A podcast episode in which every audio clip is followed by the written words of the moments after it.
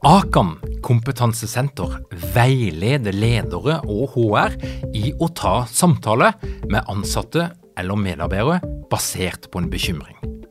Akan setter ledere og medarbeidere i stand til å forebygge og håndtere en problematisk bruk av alkohol, narkotika, legemidler, spill eller doping blant ansatte.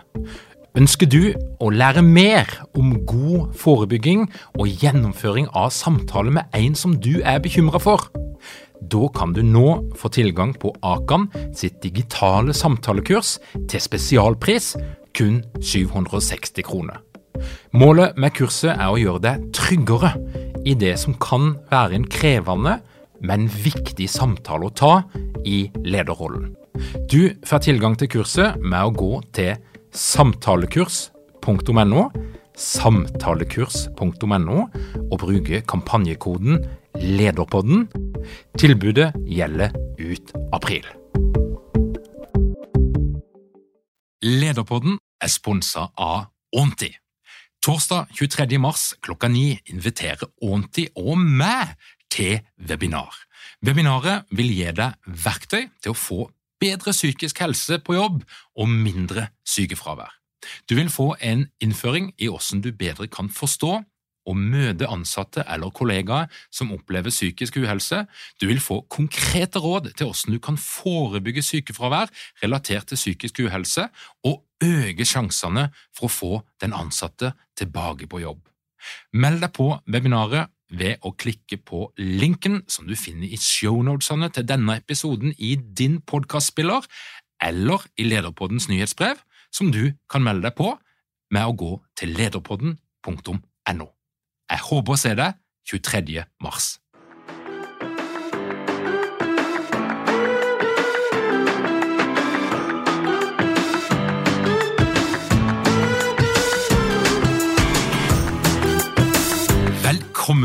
Til Lederpodden. Mitt navn er Tor Åge Eikerapen. Jeg jobber som organisasjonspsykolog med leder- og ledergruppeutvikling, og dette her er en podkast om ledelse. Hvor mange timer bruker du gjennomsnittlig i et år på å sitte i møte? Og mye koster de her møtene hvis du regner om tidsbruken til hver enkelt deltaker og putter på en timepris? Svaret vil sannsynligvis skrømme deg, for vi bruker enormt mye tid i møte, og sånn må det kanskje være, men vi bruker altfor lite tid til å snakke om og til å trene på de tingene som skal til for å få effektive, gode møter som faktisk bidrar til merverdi. Og For ikke så lenge siden så fikk jeg gleden av å lage en workshop for en gjeng som mer eller mindre lever av å være i møte fordi de er rådgiver i store byggeprosjekter der mange faggrupper skal samles i et prosjekt der de skal skape noe stort sammen, men der de representerer hvert sitt fagfelt og hver sin virksomhet, og det kan være litt kilent. Det jeg har lyst til å snakke om i dag, det er seks feil som gjør møtet ineffektive, og så skal du få seks verktøy som kan bidra til å få dine møter mer effektive. Og så må jeg si at det er jo en stor forskjell på om det er et prosjekt som bestemmer av aktører fra ulike virksomheter, ulike fagområder, men som altså har et felles mål. Det er én setting i den ene sida av skalaen. Og så er det jo ledergruppene, som jo er det jeg jobber mest med, og den type møte som jeg jobber mest med, som, som er en litt annen kontekst å ha møte i. Og det som er mitt mål i dag, det er jo å prøve å si noe som er felles, som, som gjelder for begge denne type møter, og alt det som er imellom. Og Hvis vi begynner da med de seks feilene, så må jo du nå se om du kan kjenne igjen noe av dette her fra din møtehverdag og de møtene som du pleier å være i. For det er seks feil som vi ofte vil erfare, og de gjør at en kommer ut av noen av de her møtene uten noe mer forståelse, uten noe læring og med betraktelig mindre energi og motivasjon enn når du gikk inn i møtet. Den første feilen det er at vi mangler en felles forståelse for flere ting. Vi mangler en felles forståelse for formålet og målet med møtet. Hvorfor er vi her? Hva skal vi få ut av det, og skal vi sitte igjen med etterpå? Vi kan òg ha litt ulik forståelse av hvilke roller vi har her. Altså, hvem, hvem, er det egentlig som styrer dette her, hvem er det som skal referere? Eh, hvorfor er egentlig de her folkene i møtet? Hvorfor er du her, plutselig? Og det blir heller ikke sagt høyt, så vi må si da gjette litt og prøve å finne litt ut av det, kan bruke ganske mye kapasitet på det. Min påstand er at i for mange møter og ja, ulike grupperinger, det kan kalles for et team, eh, så er det for lite tydelig, og vi forventer meg av hverandre. Det kan være med tanke på leveransen, altså hva er det du faktisk skal levere i dette møtet, hvordan skal du forberede deg til dette møtet, men òg med tanke på hvordan oppfører vi oss i møtet. Hva er grei oppførsel? Og hva er uakseptabel oppførsel, og hva gjør vi for noe når det skjer i møtet? Er det lov å sitte og himle med øynene, er det lov å eh, ja, komme med spydige kommentarer, stikk, backstabbing, eh, med kroppsspråket vise at du egentlig ler litt av de andre deltakerne, eller på andre måter gjør de andre deltakerne utrygge? Er det akseptert, eller er det ikke akseptert?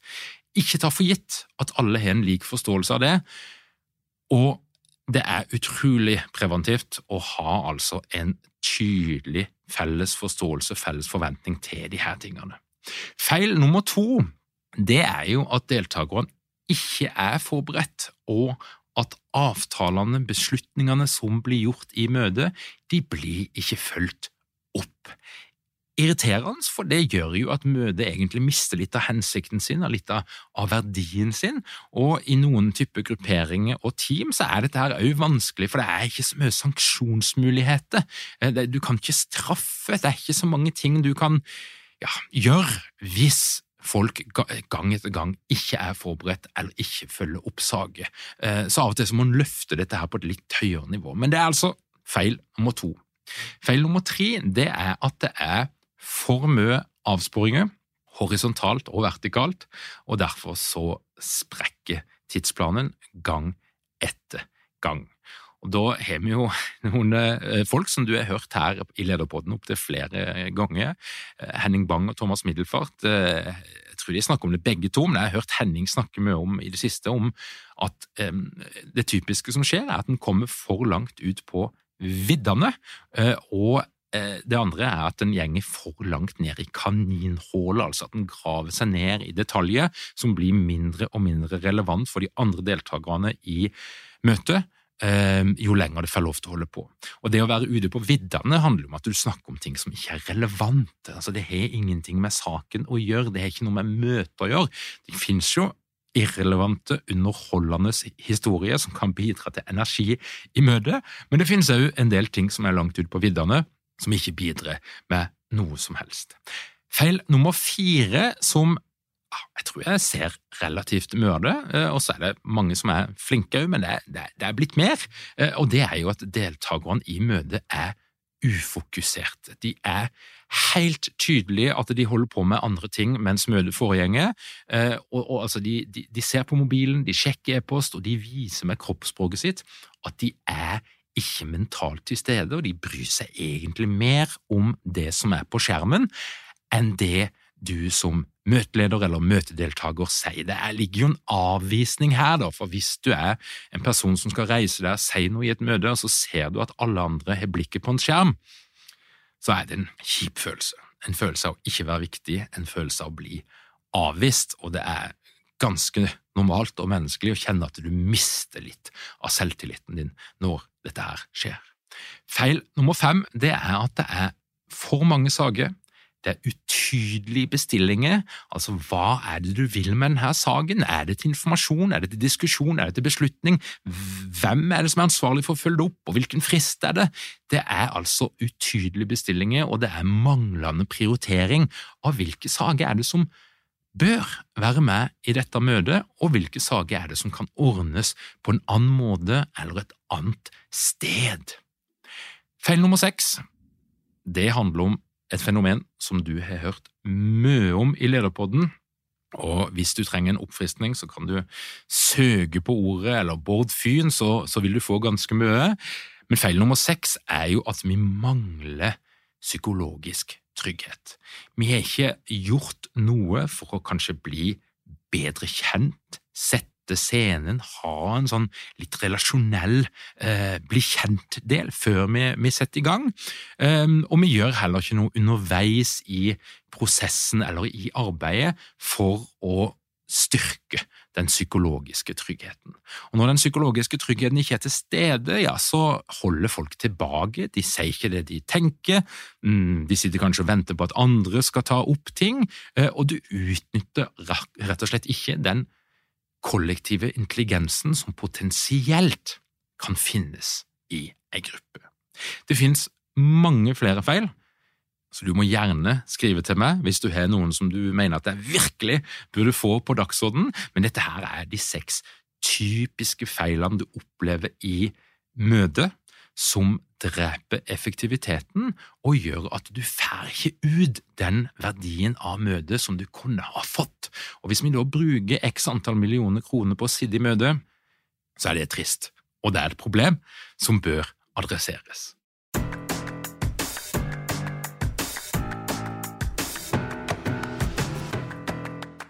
Hvis jeg skal si da eh, løsninger Ja, du skal få noen forslag her. Noen verktøy som kan bidra til bedre møte, mer effektive møte, så skal du nå få mine seks favoritter. Uavhengig av om du er ei ledergruppe, ei prosjektgruppe, ei gruppe som ikke møtes så ofte, men som altså der det er viss kontinuitet, en skal møtes flere ganger, en har et mål, og det er eh, viktig at en bruker denne tida på en god måte, så tenker jeg du bør vurdere i minst ett av de her seks verktøyene for mer effektive møter. Nummer én den er omtalt eh, i Lederpodden i tidligere episode, og det er en del av det som jeg iallfall ofte gjør når jeg jobber med ledergruppe, og det gjør mange andre òg. Men det er ikke bare i ledergruppe at dette her fungerer, det fungerer i alle typer grupperinger, prosjekter, team som skal jobbe sammen over en periode tid. Og dette her kan gjøres veldig vidløftig og avansert, og det kan gjøres ganske enkelt. Og det er ikke nødvendigvis sluttresultatet som er poenget, men prosessen med å komme der. Og det jeg snakker om, det er selvfølgelig en teamkontrakt. En teamkontrakt det er rett og slett en, ja, en, en kortfatta oversikt over spillereglene og infrastrukturen for den gruppa du er en del i, og der møtene kan være et eget tema. Typisk noe som du prøver å få fram eh, i en sånn teamkontrakt, det er jo hva skal vi få til sammen, hva er målet vårt, hvem er vi, og hvordan skal vi jobbe sammen. Hva er lov, hva er ikke lov i våre møter, og hvilke type møter har vi? Du kan òg lage en prosess der du gjenger litt dypere, og der en blir kjent med hverandres styrke overslag eller allergier.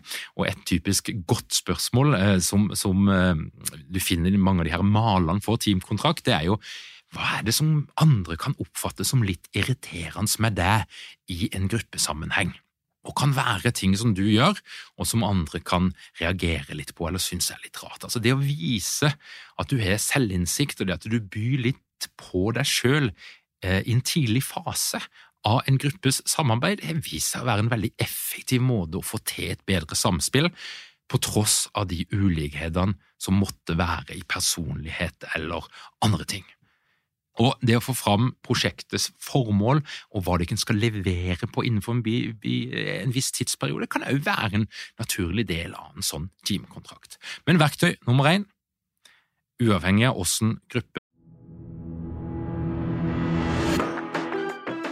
Har dere mange ledere uten trening eller utdannelse innen ledelse?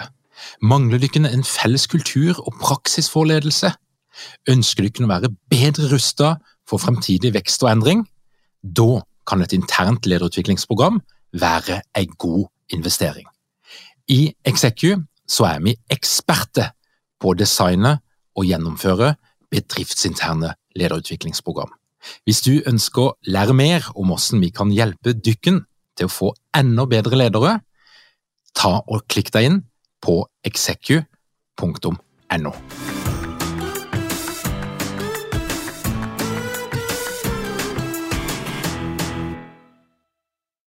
Du er en del av, men hvis dere skal møtes over tid, lag en teamkontrakt og lag en god prosess rundt dette her. Nummer to, det handler om deg som møteleder. Hvis du er møteleder, så kan vi eh, fort bli enige om at det er forskjell på god og dårlig møteledelse. Jeg oppfatter det ofte som at dette her er en rolle som blir tatt litt for lett på. Selv i organisasjoner som lever av å leie ut folk som skal være møteledere, så er det litt opp til hver enkelt å finne ut av hvordan du skal gjøre det. Kanskje finnes det en mal på referat og agenda, men det stopper ofte der. Mens jeg mener at det å være møteleder, vi kan kalle det for fasilitator av og til, det er jo et eget fagfelt som du i det minste bør læres litt opp i og trene litt på for å bli god. Og jeg vil påstå at noe som kjennetegner en god møteleder, det er en tydelig, aktiv og vennlig møteleder.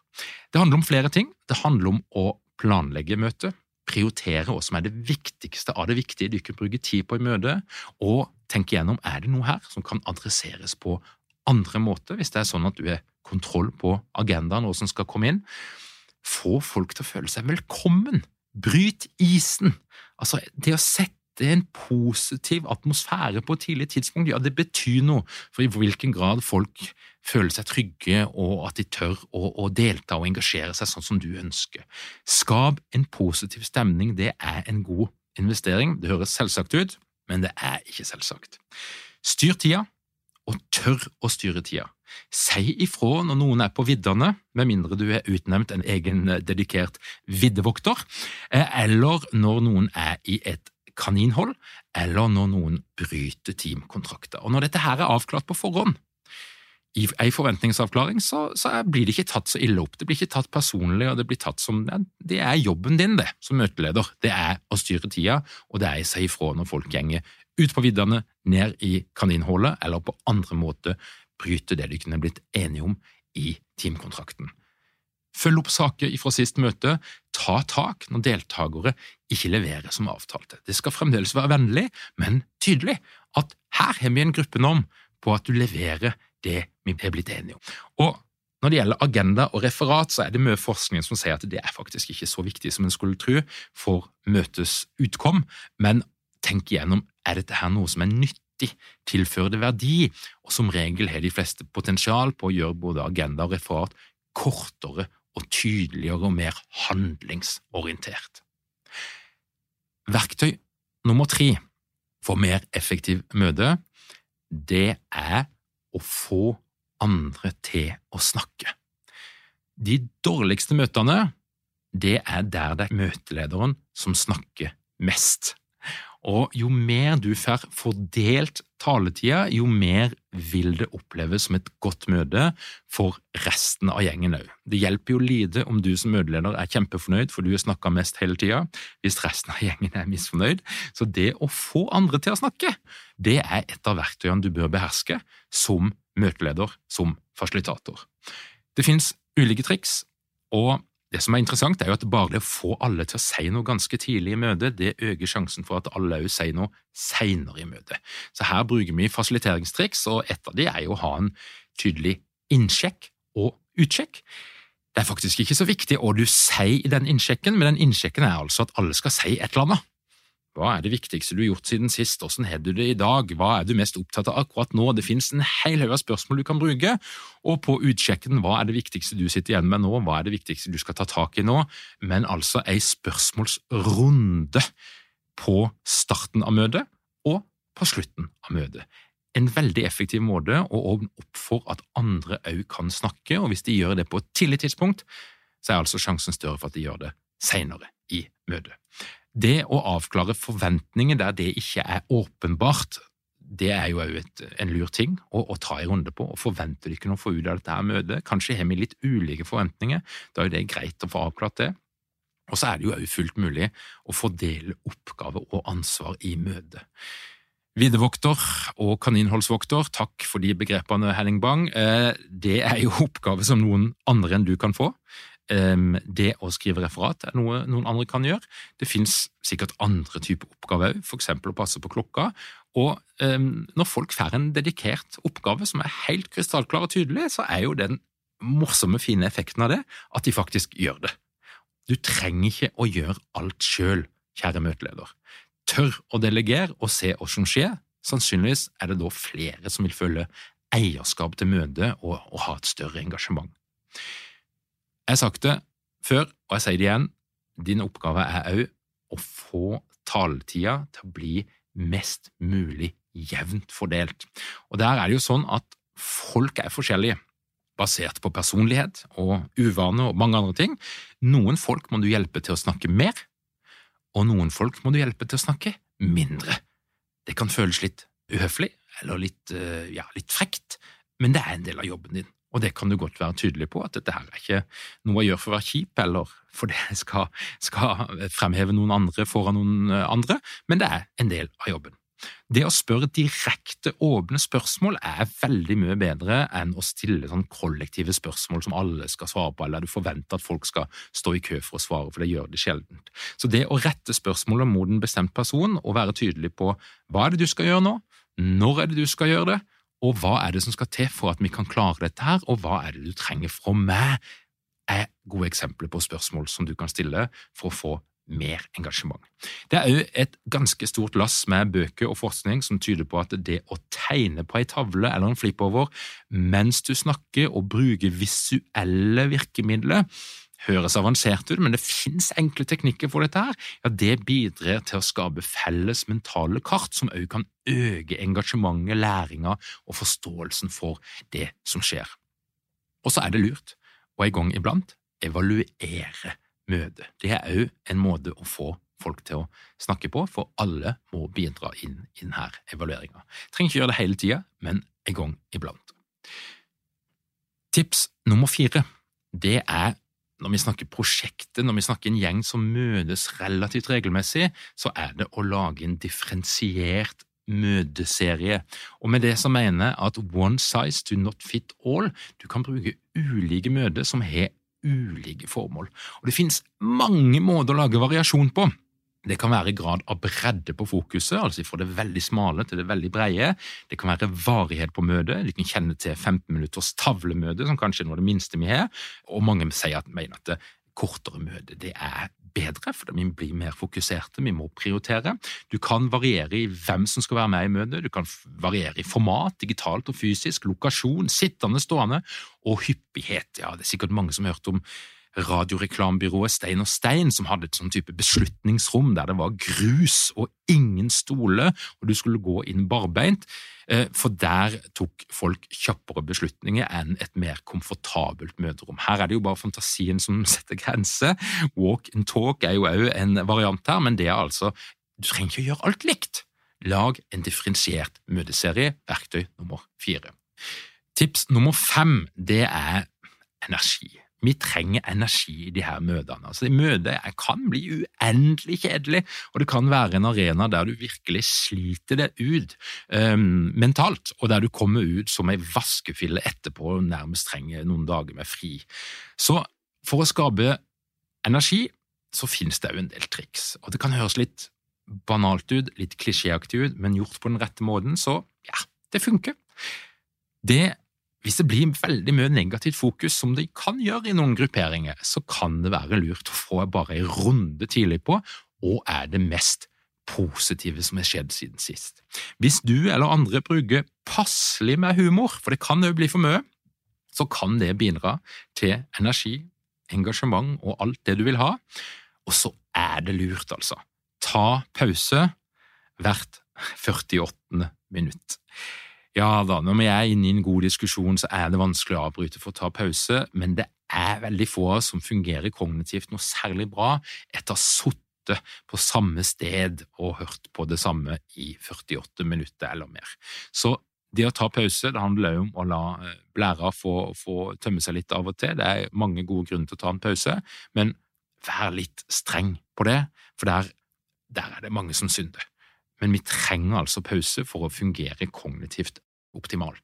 En annen ting som du kan gjøre som møteleder, det er å variere og eksperimentere litt mellom å sitte, stå oppreist og være i bevegelse, og sørge for at du har øyekontakt med alle deltakerne. Det bidrar faktisk òg til energi. Og det å stå opp av og til og ta en tur ut i frisk luft mens en diskuterer temaet to og to eller tre og tre, fenomenal måte å få mer energi på.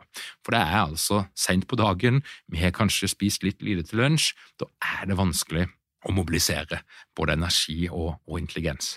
Det sjette verktøyet som du skal få med deg, det handler om lytting. Og det er jo ikke sånn at du bare kan høre på dette her, så blir du god på lytting. Vi har en egen episode av Lederpodden som kun handler om lytting, og det kommer flere snart.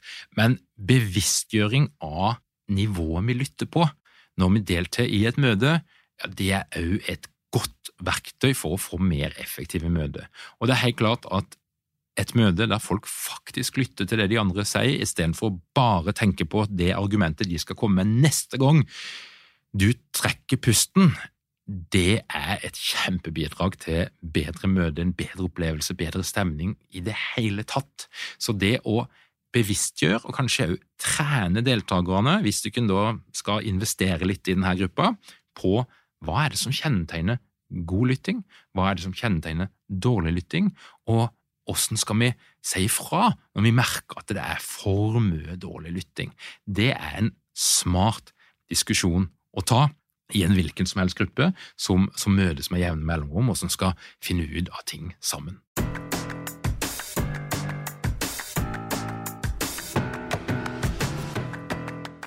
Så oppsummert, mine seks verktøy, mine tips til deg som ønsker mer effektive møter, lag en teamkontrakt og få ned det du kan trenge av forventninger til hverandre og oppførsel, hva er lov, hva er ikke lov, og Vær en tydelig, aktiv og vennlig møteleder. Det er tips nummer to.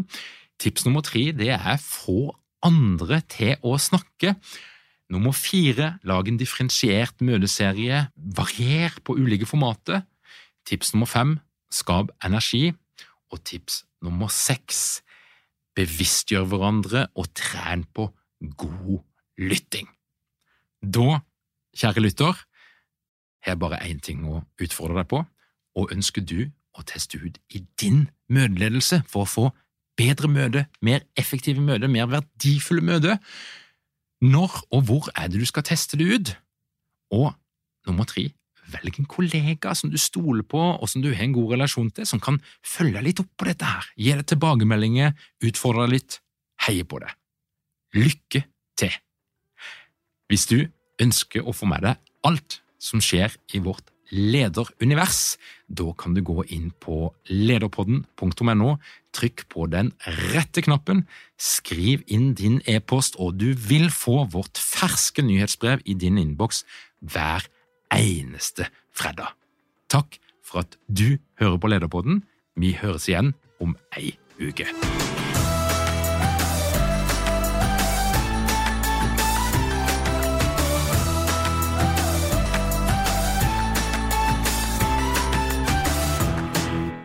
Lederpodden er gitt til deg av Execu.